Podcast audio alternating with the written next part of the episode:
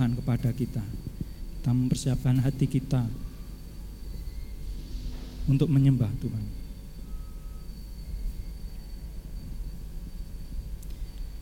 Orang yang duduk dalam lindungan yang maha tinggi dan bermalam dalam naungan yang maha kuasa akan berkata kepada Tuhan, tempat perlindunganku dan kubu pertahananku, Allahku yang kupercayai. Jemaat dipersilakan berdiri. Kau perlindunganku.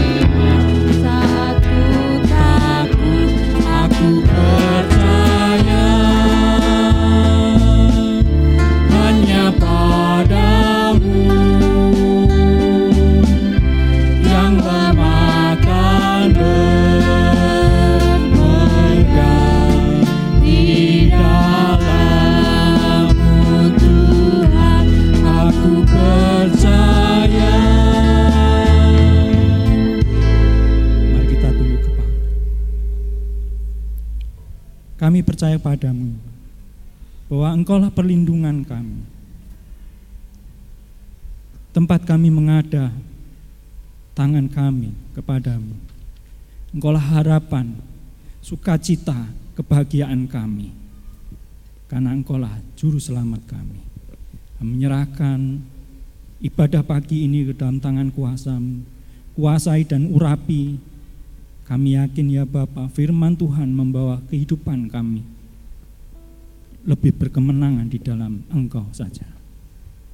Menyerahkan ya Bapa, ialah Engkau yang menguasai tempat ini. Engkau mengurapi tempat ini. Dan kuduskanlah kami di tempat ini ya Bapa. Dalam tangan kuasamu, haleluya, amin. Tiap hari, tiap jam.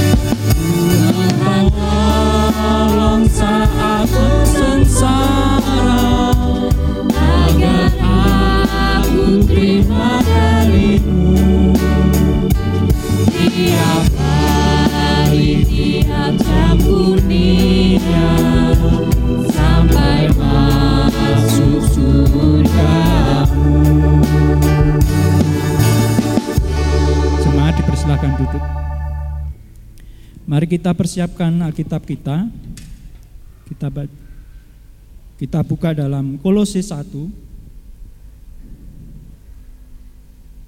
ayat 3 sampai 6. Kolose 1 ayat 3 sampai 6. Kita baca saya akan membacakan dan singer dan jemaat boleh bersama-sama di ayat genap. Kolose 1 ayat 3 sampai 6. Kami selalu mengucap syukur kepada Allah, Bapa Tuhan kita, Yesus Kristus, setiap kali kami berdoa untuk kamu. Karena kami telah mendengar tentang imanmu dalam Kristus Yesus dan tentang kasihmu terhadap semua orang kudus. Oleh karena pengharapan yang disediakan bagi kamu di surga, tentang pengharapan itu telah lebih dahulu kamu dengar dalam firman kebenaran, yaitu Injil. Yang sesudah sampai kepada kamu, Injil itu berbuah dan berkembang di seluruh dunia. Demikian juga di antara kamu sejak waktu kamu mendengarnya dan mengenal kasih karunia Allah dengan sebenarnya. Amin.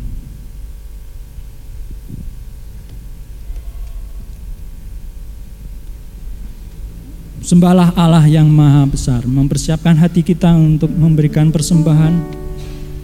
Persembahan di pagi ini untuk persembahan perpuluhan dan persembahan khusus untuk gedung. Sembahlah Allah yang maha besar.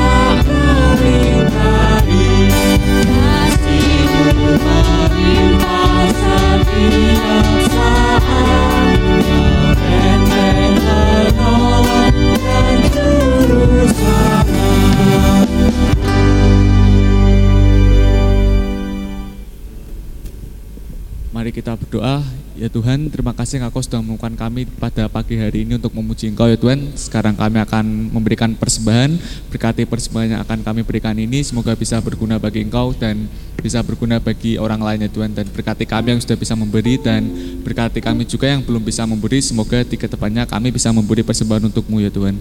Dalam nama Tuhan Yesus kami sudah berdoa, haleluya, amin. Bahwa Tuhan juga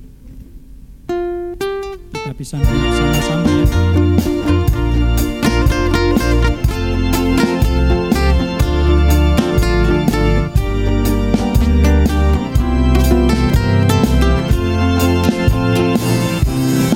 Tuhan juga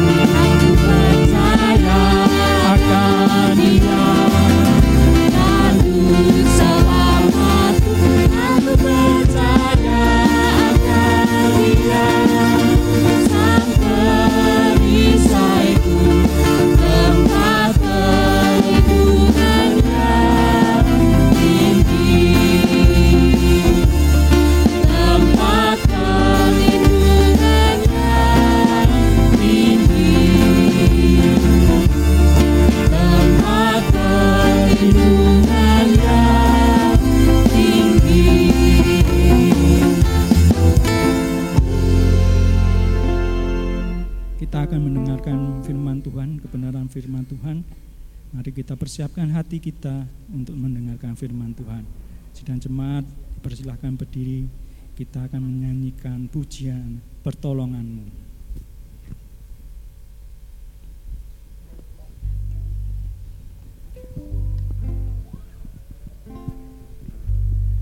Sidang jemaat silahkan berdiri.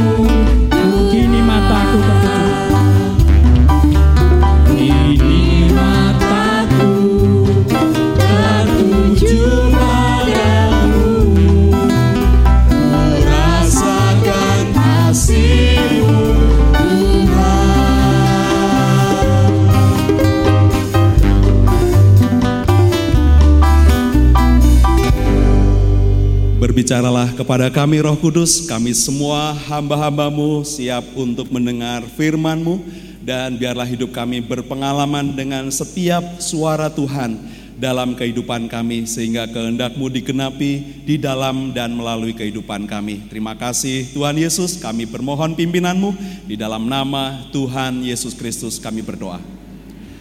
Amin. Silakan duduk kembali saudara-saudara. Sebelum saya khotbah, saya ingin menyambut Bapak Yusuf. Pak Yusuf, silakan berdiri Pak Yusuf. Ya, Pak Yusuf. Ya, beri tepuk tangan saudara-saudara. Selamat datang Pak Yusuf. Uh, ya, silakan duduk kembali. Pak Yusuf uh, berasal dari gereja GKI Denpasar, ya betul ya. Dan beliau di Semarang tinggal di Genuk, di Genuk uh, Perbalan ya berarti, atau ya jadi terima kasih Pak bisa berbakti bersama di kesempatan kebaktian kedua di gereja kami. Mungkin di antara saudara coba tak ngamati sebentar. oh enggak ada, hanya potongan rambut baru aja. Baik saudara-saudara, saya ingin berkhotbah uh, dengan tema kita hidup dalam kuasa dan kemuliaan Tuhan. Uh, saudara-saudara, ini hal yang sering perspektifnya orang Kristen tuh uh, sering berbeda atau mungkin ini hal yang uh, perlu kita tahu bahwa Tuhan itu tidak berubah, Dia ada di tempatnya, Dia tidak berubah, kasihnya tidak berubah dan sebenarnya kita orang-orang yang menyembah Tuhan harusnya masuk di dalam Tuhan, saudara-saudara. Bukan mengundang dia masuk di dalam dunia kita, tetapi sebenarnya kita masuk dan hidup di dalamnya. Nah, itu konsep teologi Kristen kita. Itu sebabnya saya ingin sharing kepada saudara-saudara dalam khotbah yang kedua di kebaktian ini tentang hidup yang berada di dalam kuasa dan kemuliaan Tuhan. Saudara, saya mencari tahu tentang definisi hidup uh, yang ada dalam kemuliaan Tuhan atau apa artinya kemuliaan Tuhan. Bukan saja Tuhan yang mulia, saudara-saudara, tetapi atmosfer perwujudan dari kehadiran Tuhan yang nyata di dalam kehidupan kita. Nah, saya menyimpulkan dengan perspektif ini, dengan definisi ini, karena ini adalah pengertian tentang kemuliaan Tuhan. Kemuliaan Tuhan itu adalah perwujudan kehadiran Tuhan yang nyata di dalam kehidupan kita.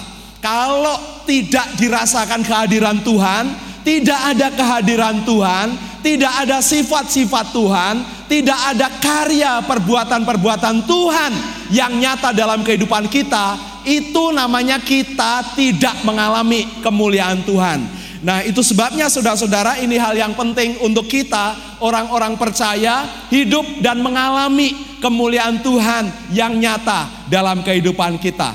Nah, bagian yang pertama yang penting menjadi pengantar bagi kita adalah kalau kita ada di dalam kehidupan yang mulia, dalam kemuliaan Tuhan, saudara-saudara, kehidupan kita tentu selalu merasakan ada dalam mujizat demi mujizat.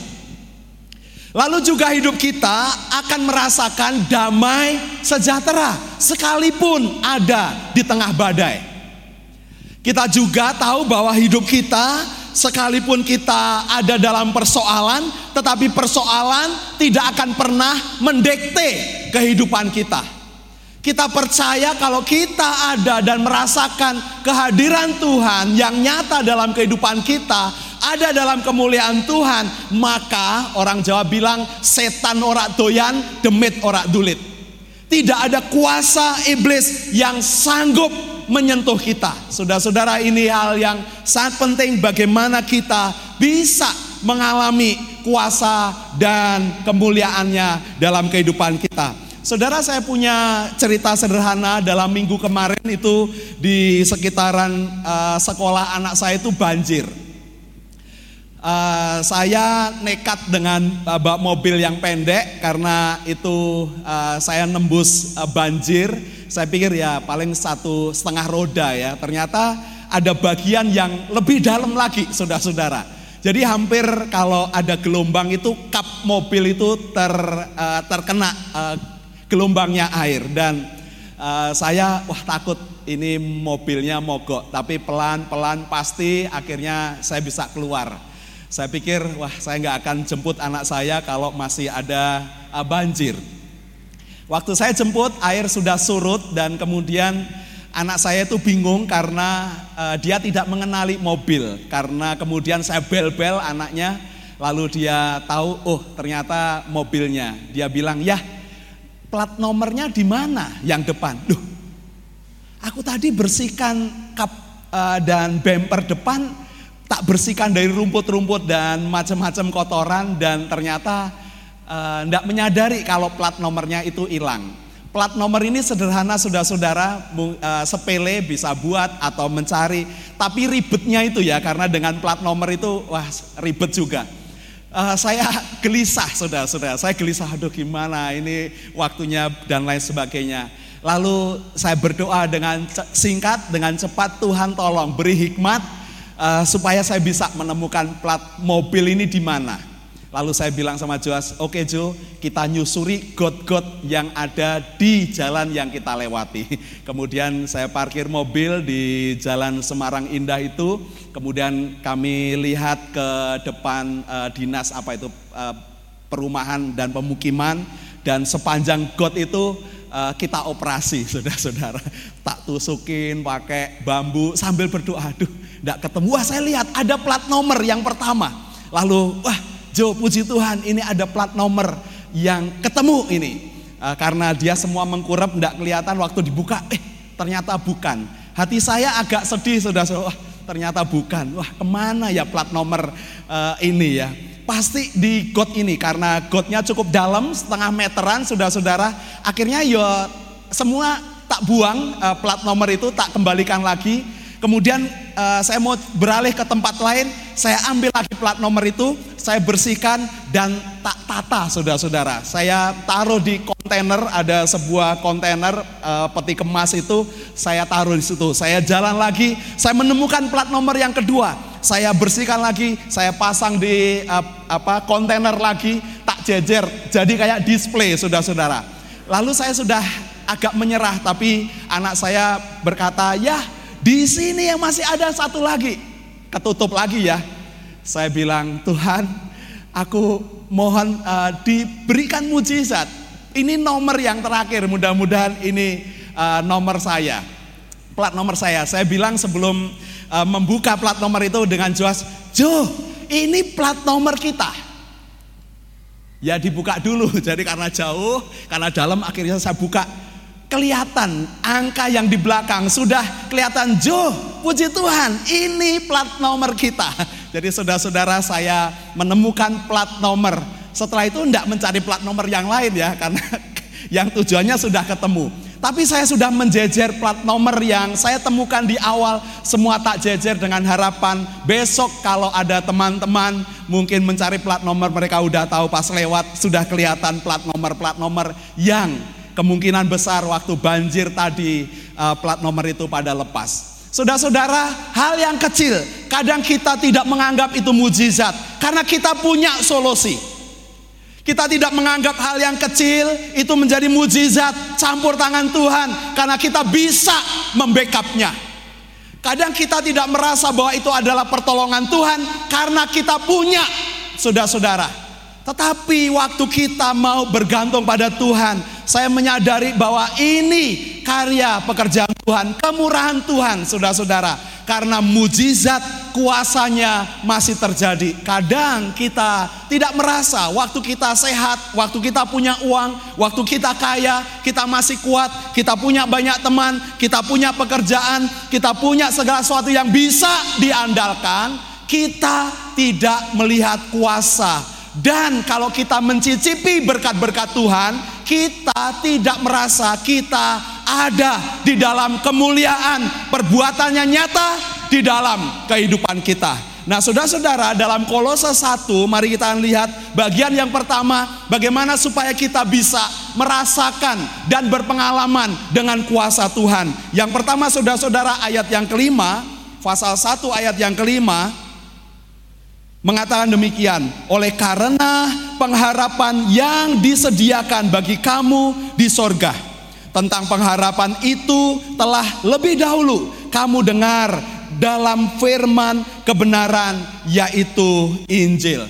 Saudara kunci yang pertama untuk kita bisa merasakan kuasa Tuhan, berpengalaman dengan Tuhan, dengan kuasanya yang bekerja dalam kita. Saudara-saudara dan saya perlu menanam benih firman, saudara-saudara.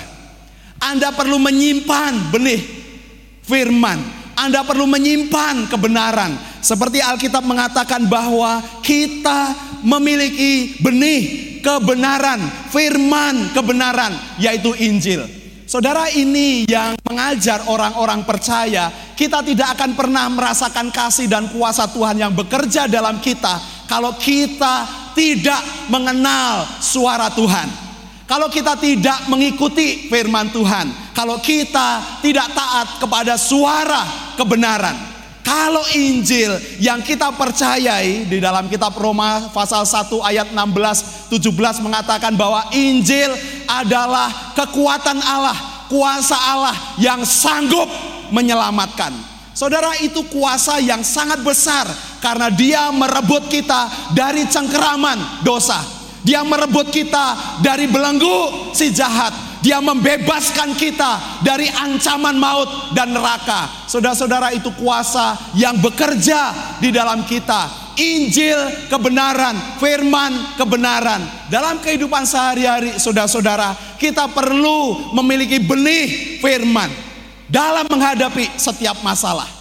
Dalam menghadapi setiap kehidupan kita saudara-saudara. Tidak ada satupun yang tidak disorot oleh firman. Kalau kita mau mengalami kuasanya bekerja dalam kita, saudara-saudara, mari kita akan tanam benih kebenaran, saudara-saudara. Firman kebenaran dalam kita.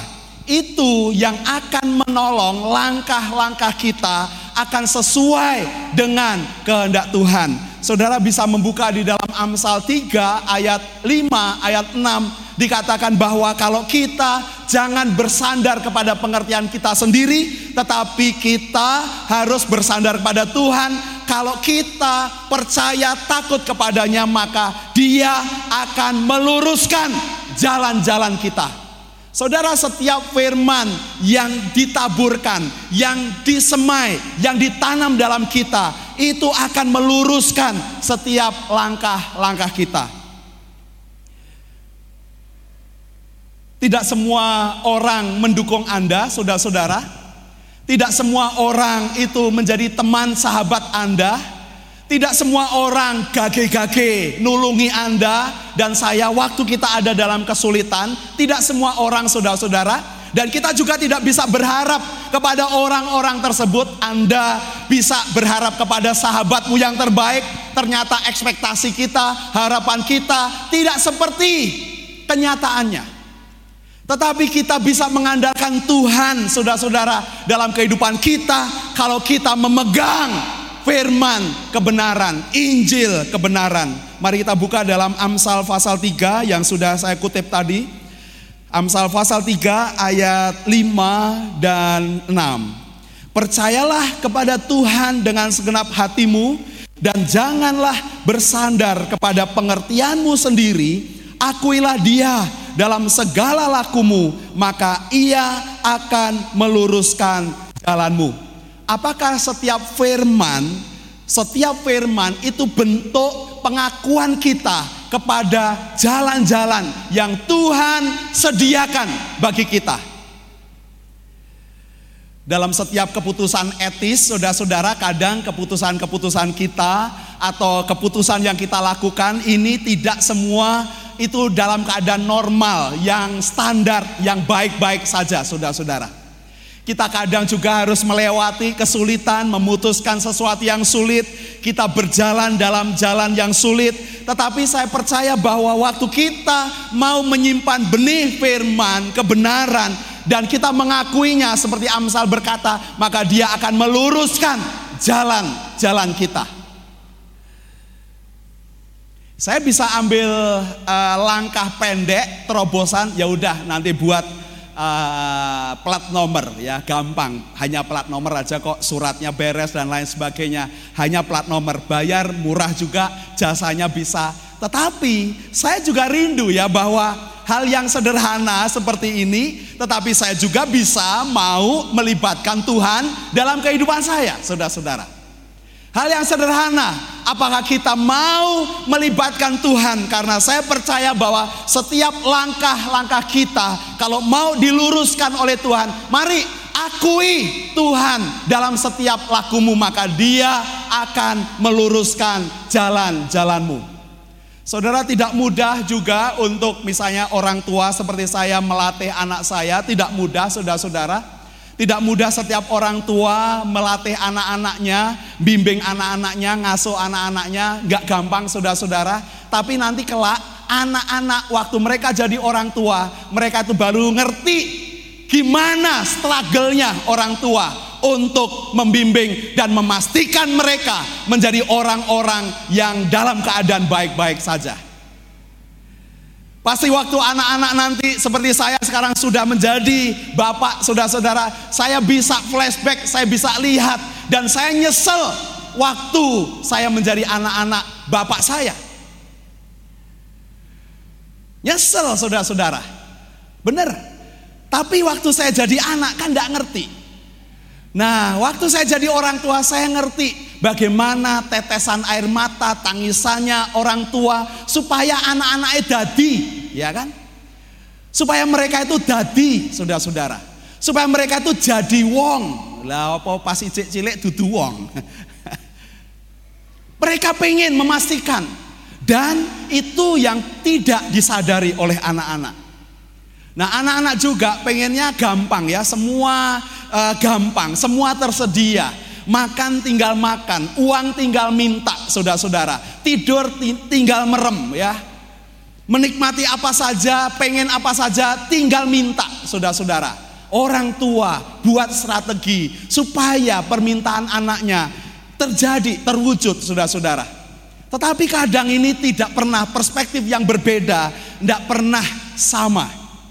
Tetapi waktu anak-anak menjadi orang-orang yang mandiri, saudara-saudara, hidup sendiri, mereka bisa mandiri, mereka bisa berjuang, mereka tidak bersama-sama dengan orang tua. Apakah mereka benar-benar dipastikan bisa bergantung kepada Tuhan? Saudara-saudara, diberikan hikmat oleh Tuhan supaya anak-anak kita, orang tua, semua kita, saudara-saudara, sebagai orang-orang percaya, memiliki hikmat, pengertian dalam berpengalaman dengan kuasa Tuhan.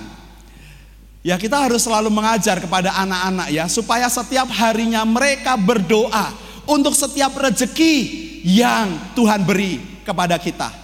Dalam doa Bapa kami, Saudara Yesus mengajar supaya kita meminta roti, mencukupkan makan kita pada hari ini setiap kali.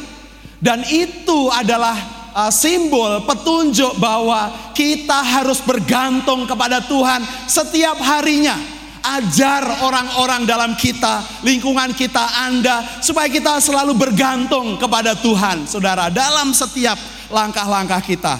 Di dalam 2 Korintus pasal 2, mari kita buka 2 Korintus pasal yang kedua, ayat yang ke-14.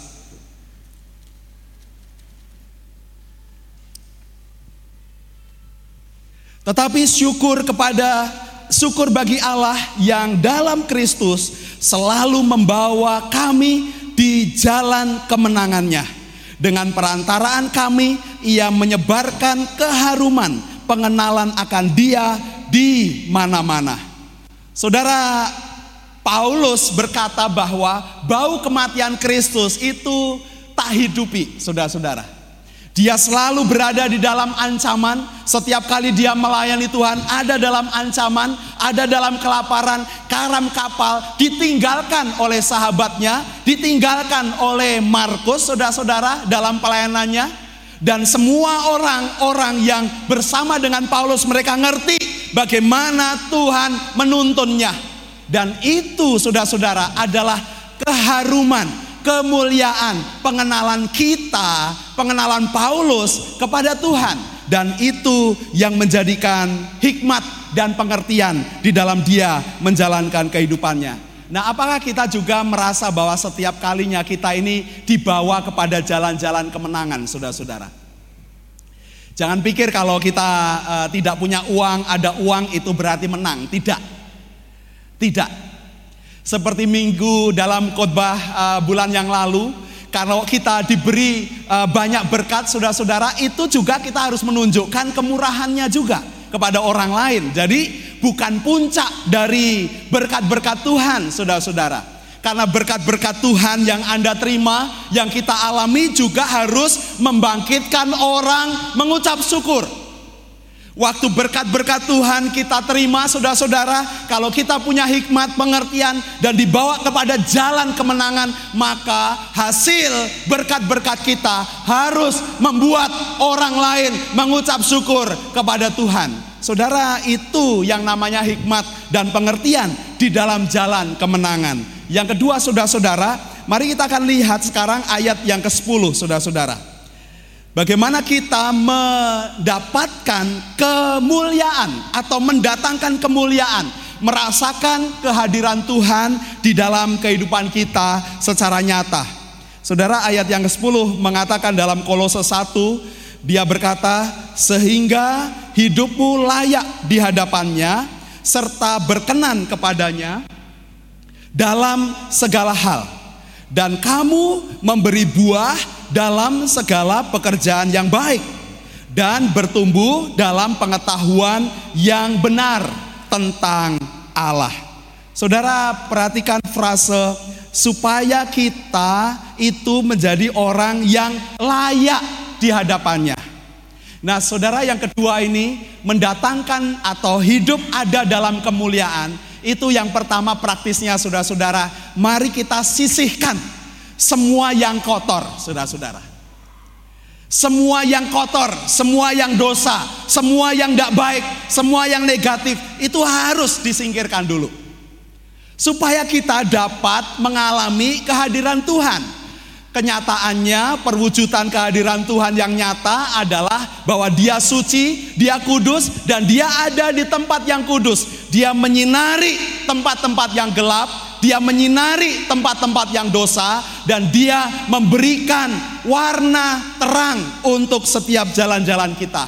Saudara, kita harus mau menyingkirkan, menyisihkan semua yang kotor. Nah, kita lihat di dalam Amsal pasal 25, saudara-saudara.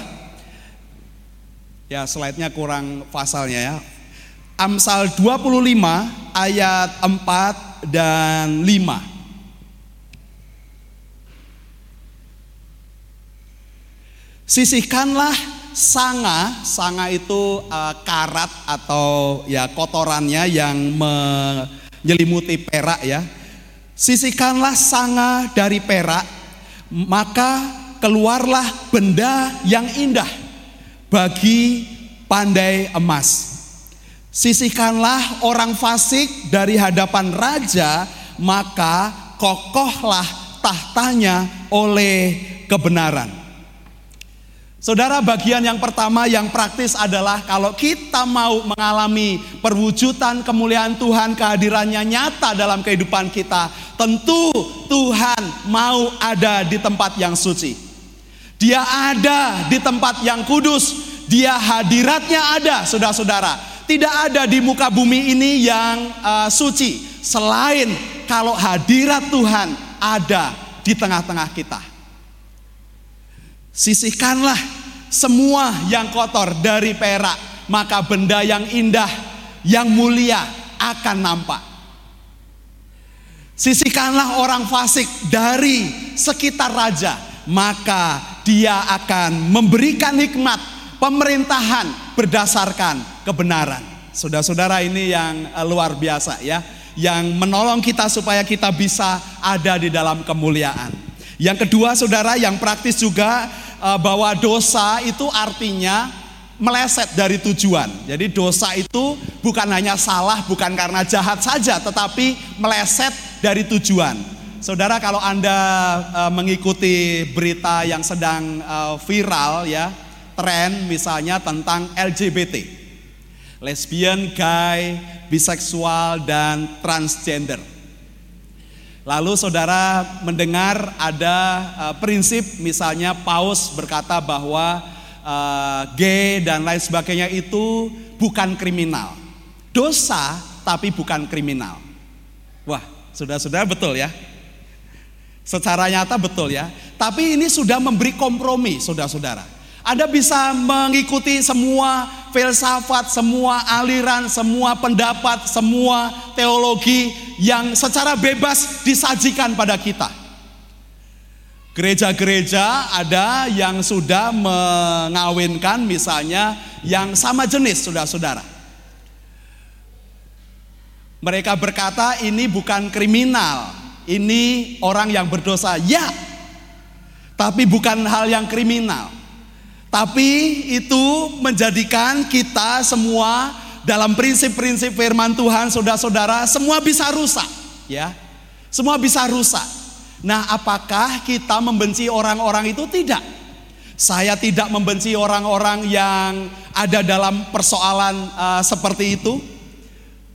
Saya menerima mereka, saudara-saudara. Saya mengajar mereka untuk kembali ke jalannya. Dan kita menyaksikan ada beberapa orang-orang di gereja kita yang kita kenal, saudara-saudara sedang melayani orang-orang demikian. Ya, saya tahu orang-orang tersebut, saudara-saudara. Nah, apakah kita sebagai komunitas orang percaya, kita tetap kita tahu bahwa Tuhan ingin kemuliaannya nyata di dalam kita. Tentu bukan dengan amarah, tentu bukan dengan memusuhi saudara-saudara, tentu dengan kasih dan belas kasihan bahkan melayani mereka supaya mereka kembali, mereka masuk dan percaya dan mengikuti perintah Tuhan. Saudara ingat jarang orang akan bertobat karena mereka menyadari kesalahannya. Mereka harus yang pertama pintunya harus percaya kepada Yesus, saudara. Setiap orang kalau mau mengalami pertobatan, mengalami kehidupan dalam kemuliaan, mereka harus mengakui, mereka harus percaya kepada Yesus dengan segenap hati, segenap jiwa, dan kekuatan mereka. Karena itu pintu masuk yang Tuhan beri dan dia sediakan. Alkitab memberitahukan pada kita bahwa dia ingin mendapati kita itu menjadi orang-orang yang layak, saudara-saudara. Dosa itu sudah menyebabkan kemuliaan Allah itu hilang dari kehidupan kita. Dalam Roma 3 ayat 26 mengatakan demikian bahwa semua orang ayat 23 semua orang sudah kehilangan kemuliaan Allah karena mereka berdosa.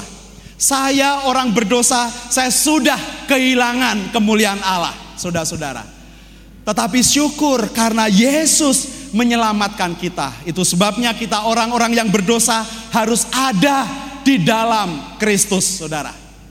Harus percaya kepada Tuhan sehingga kita mengalami pemulihan, pemulihan dalam kehidupan kita.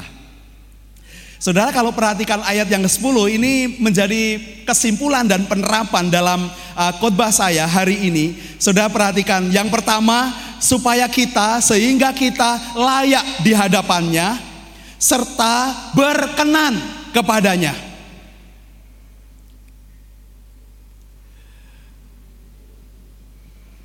Dalam segala hal dan kamu memberi buah dalam segala pekerjaan yang baik dan bertumbuh dalam pengetahuan yang benar tentang Allah. Sehingga saudara bisa lanjutkan ayat yang ke-11 dan dikuatkan dengan segala kekuatan oleh kuasa kemuliaannya untuk menanggung segala sesuatu dengan tekun dan sabar. Saudara kalau orang mau hidup dalam kuasa dan kemuliaannya, saya merasa ini hal yang perlu menjadi fokus bagi kita ya. Kita misalnya kalau saya selalu bertanya, ya Tuhan aku ini tidak layak kok. Aku ini tidak layak menerima kasih dan anugerah. Aku ini nggak layak mendapatkan pekerjaan. Saya ini nggak layak menjadi hamba Tuhan. Saya ini nggak layak. Dan itu hal yang baik dari kita. Supaya kita seperti Alkitab mengatakan supaya kita menjadi layak itu karena dikerjakan oleh Tuhan saudara-saudara. Kita dilayakkan oleh Tuhan. Tidak ada orang yang perfect. Omongan aja, saya itu yang perfect, saudara-saudara. Hanya hidup saya pun, saya perlu ditopang oleh kasih dan kemurahan Tuhan. Karena dia yang melayakkan kita, saudara-saudara. Dia yang melayakkan setiap kita. Kita dilayakkan oleh darah dan tubuh Kristus yang dihancurkan, dipecahkan, bilur-bilurnya yang menyembuhkan kita kita dilayakkan. Kalau saya mikirin tentang itu, saya bisa uh, terharu saudara karena Tuhan sungguh mengasihi kehidupan saya. Saya merasa menjadi orang yang benar-benar tidak layak. Karena kalau saya dilayakkan, maka saya mendapat perkenan dari Tuhan. Tetapi waktu kita mendapatkan kesempatan perkenanan Tuhan, apakah kita bekerja memberi buah di dalam pekerjaan kita? Apakah pelayanan-pelayanan kita memberi buah saudara-saudara dalam pelayanan kita? Karena orang Kristen saudara-saudara dan saya juga tidak ingin bahwa anggota gereja, setiap orang Kristen, setiap siapa pun Anda, saya juga orang Kristen. Saya bukan hanya ingin ada di dalam gereja, kelihatan rutin, aktif, saudara-saudara, tetapi saya juga rindu bahwa setiap kita ada dalam persekutuan bersama komunitas kita, bersama berjemaat, tetapi kita secara pribadi, waktu kita diutus di tempat kerja kita, di dalam sekolah kita, komunitas-komunitas kita, di tempat kita berada, apakah jalan kemenangan Tuhan sediakan? Itu buah kita. Itu buah kita. Masa hidup saya tidak lama, saudara-saudara. Durasi hidup kita tidaklah lama seberapa besar kita memberi buah. Paulus berkata pada orang-orang di Filipi, aku mau lebih cepat pulang ke rumah Bapa. Tetapi kalau kesempatan Tuhan beri hidup, itu artinya aku harus menghasilkan buah. Saudara-saudara persis dalam kitab Kolose ini juga mengatakan bahwa memberi buah Itu guna kuasa dan kemuliaan Tuhan, saudara-saudara. Apa gunanya kuasa Tuhan hanya dihabiskan untuk hawa nafsu kita? Yakobus mengingatkan kita, doa-doa kita tidak dijawab karena doa-doa kita mau kita habiskan untuk hawa nafsu kita. Saya bilang kepada Joas, Joas kamu mau jadi orang kerja apa saja, monggo silahkan. Kamu pilih pekerjaan apa saja, terserah. Yang penting bisa khotbah, bisa mengajar firman Tuhan. Mengapa? Karena saya ingin orang yang mengajar adalah orang juga yang menghidupi firman Tuhan. Betul saudara-saudara. Yakobus mengingatkan orang yang mengajar guru-guru akan disematkan ukuran yang lebih strict, lebih tajam, saudara-saudara, lebih berat daripada orang-orang yang diajar.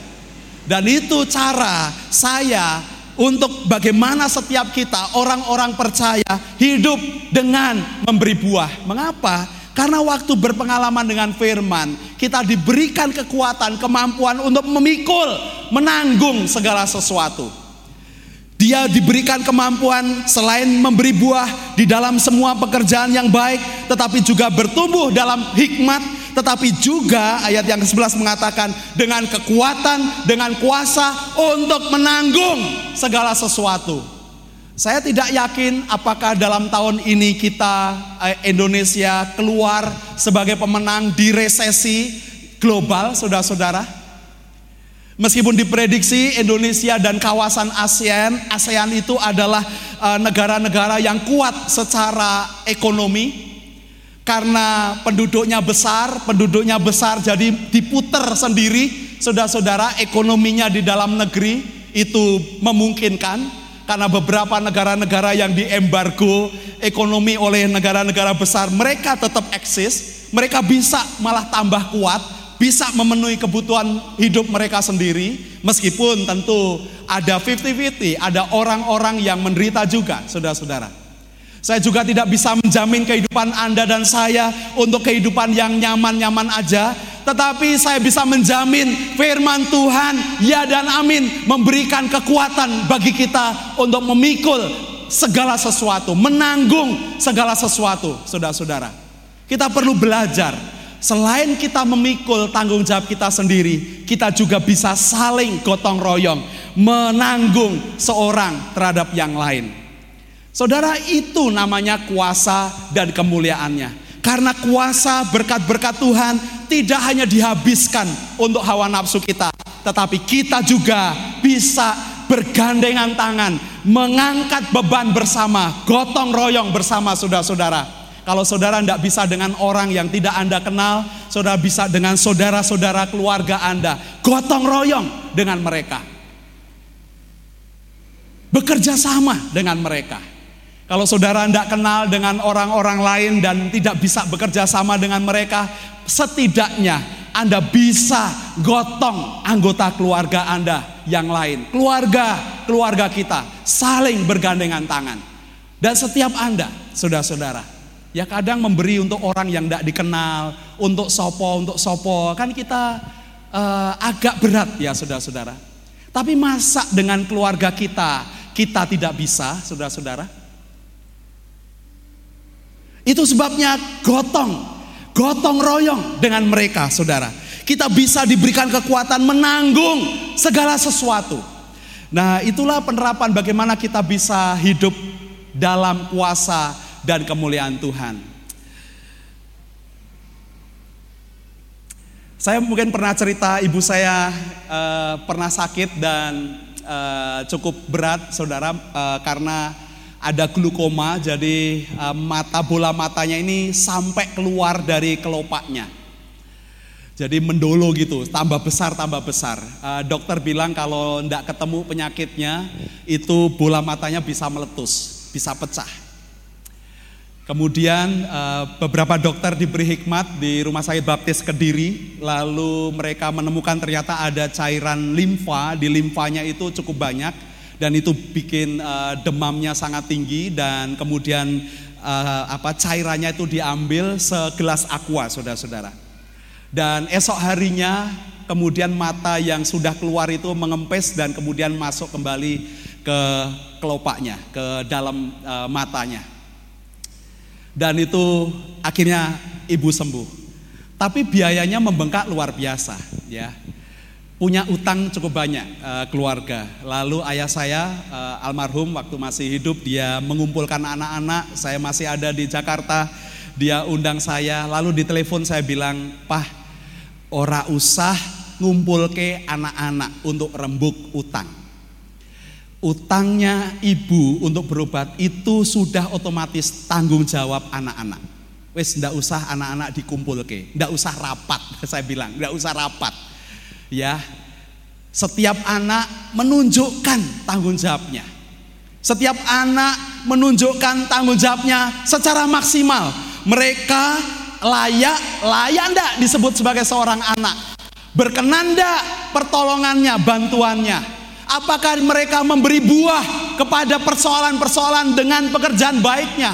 Apakah setiap anak-anak bapak, anak-anak ibu rela dan sanggup memikul tanggung jawabnya dan rela dan kuat untuk menanggung beban, saudara-saudara.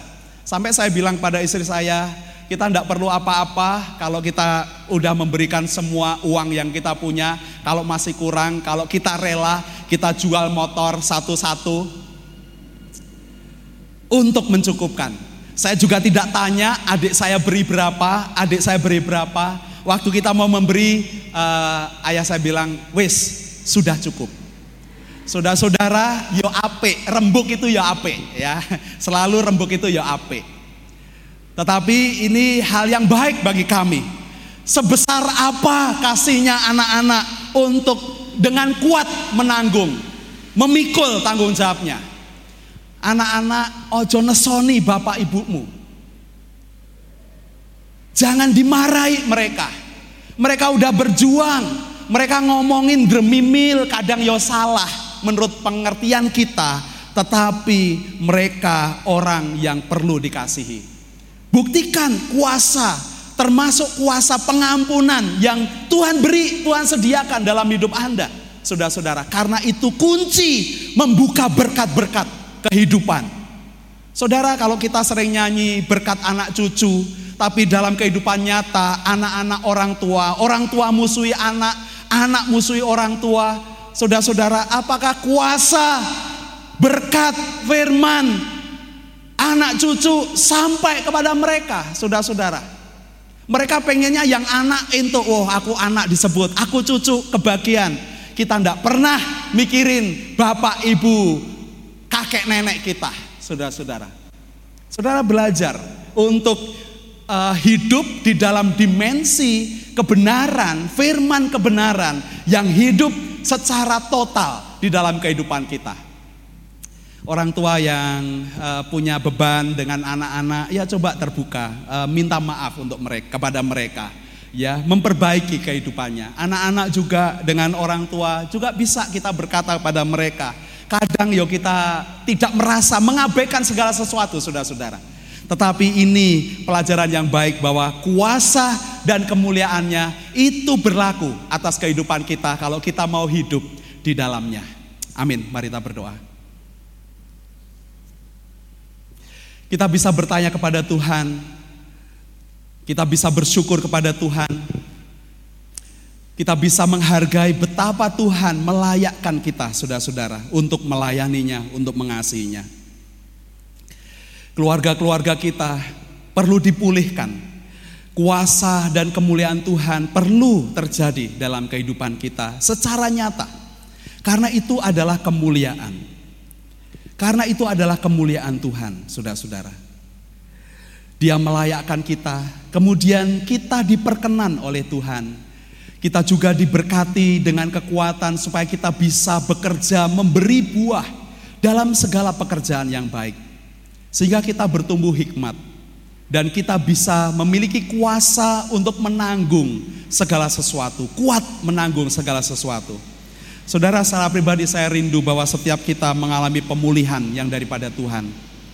Kita nggak bisa mengalami kuasa dan kemuliaan Tuhan kalau kehidupan kita tidak dipulihkan, saudara-saudara. Secara pribadi kita selesai dengan Tuhan, dipulihkan oleh Tuhan. Dengan orang tua kita, orang tua dengan anak-anak, suami dengan istri, kakak dengan adik, juga memerlukan pemulihan. Karena kita dilayakkan, kita diperkenan Tuhan, kita juga uh, harus bekerja memberi buah. Tetapi juga kita harus kuat menanggung segala sesuatu. Itu kuasa dan kemuliaannya yang perlu ada dalam kehidupan kita.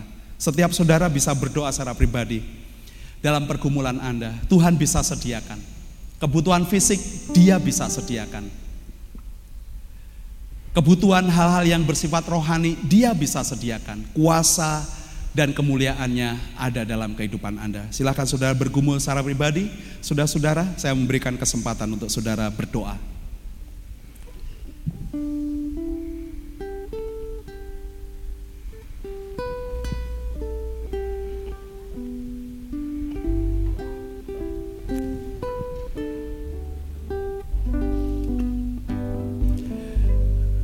Saya persilahkan saudara untuk berdiri bersama-sama. Mari kita akan berdoa syafaat dan menutup dengan doa berkat.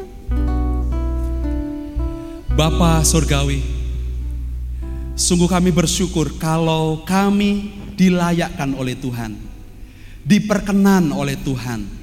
Karena kami memang orang yang lemah, yang syarat dengan kelemahan dan dosa. Dan kami bersyukur karena Tuhan melayakkan kami Tuhan memperkenan kami untuk melayani. Dan ajarlah kami memberi buah untuk setiap pekerjaan yang baik. Dan ajarlah kami juga diberikan bahu yang kuat untuk memikul segala sesuatu. Kami kuat menanggung segala sesuatu karena kuasa kemuliaanmu yang bekerja di dalam hidup kami. Terima kasih Tuhan.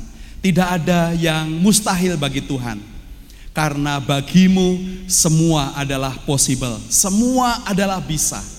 Dan kami percaya bahwa setiap tantangan, persoalan-persoalan secara rohani, jasmani, kami tahu bahwa Engkau Allah yang menyediakan. Dan kami bersyukur untuk bangsa kami, sekalipun kami ada di tengah-tengah krisis, krisis pangan, krisis energi, uh, krisis ekonomi, krisis keuangan, uh, juga perang yang ada di Ukraina dan Rusia, sekalipun tempat itu jauh dari kami, tetapi uh, mereka menjadi kunci 40% distribusi uh, gandum untuk dunia ini. Dan itu sungguh menjadikan uh, tantangan tersendiri bagi pemulihan krisis pangan dunia ini. Dan kami mohon Bapak berkatilah Presiden Jokowi dengan seluruh uh, pemerintah dari pusat sampai yang dengan di daerah yang terdekat dengan kami, semua pemimpin-pemimpin kami, wali kota, uh, bupati, gubernur, uh, bapak camat, bapak lurah dan perangkatnya.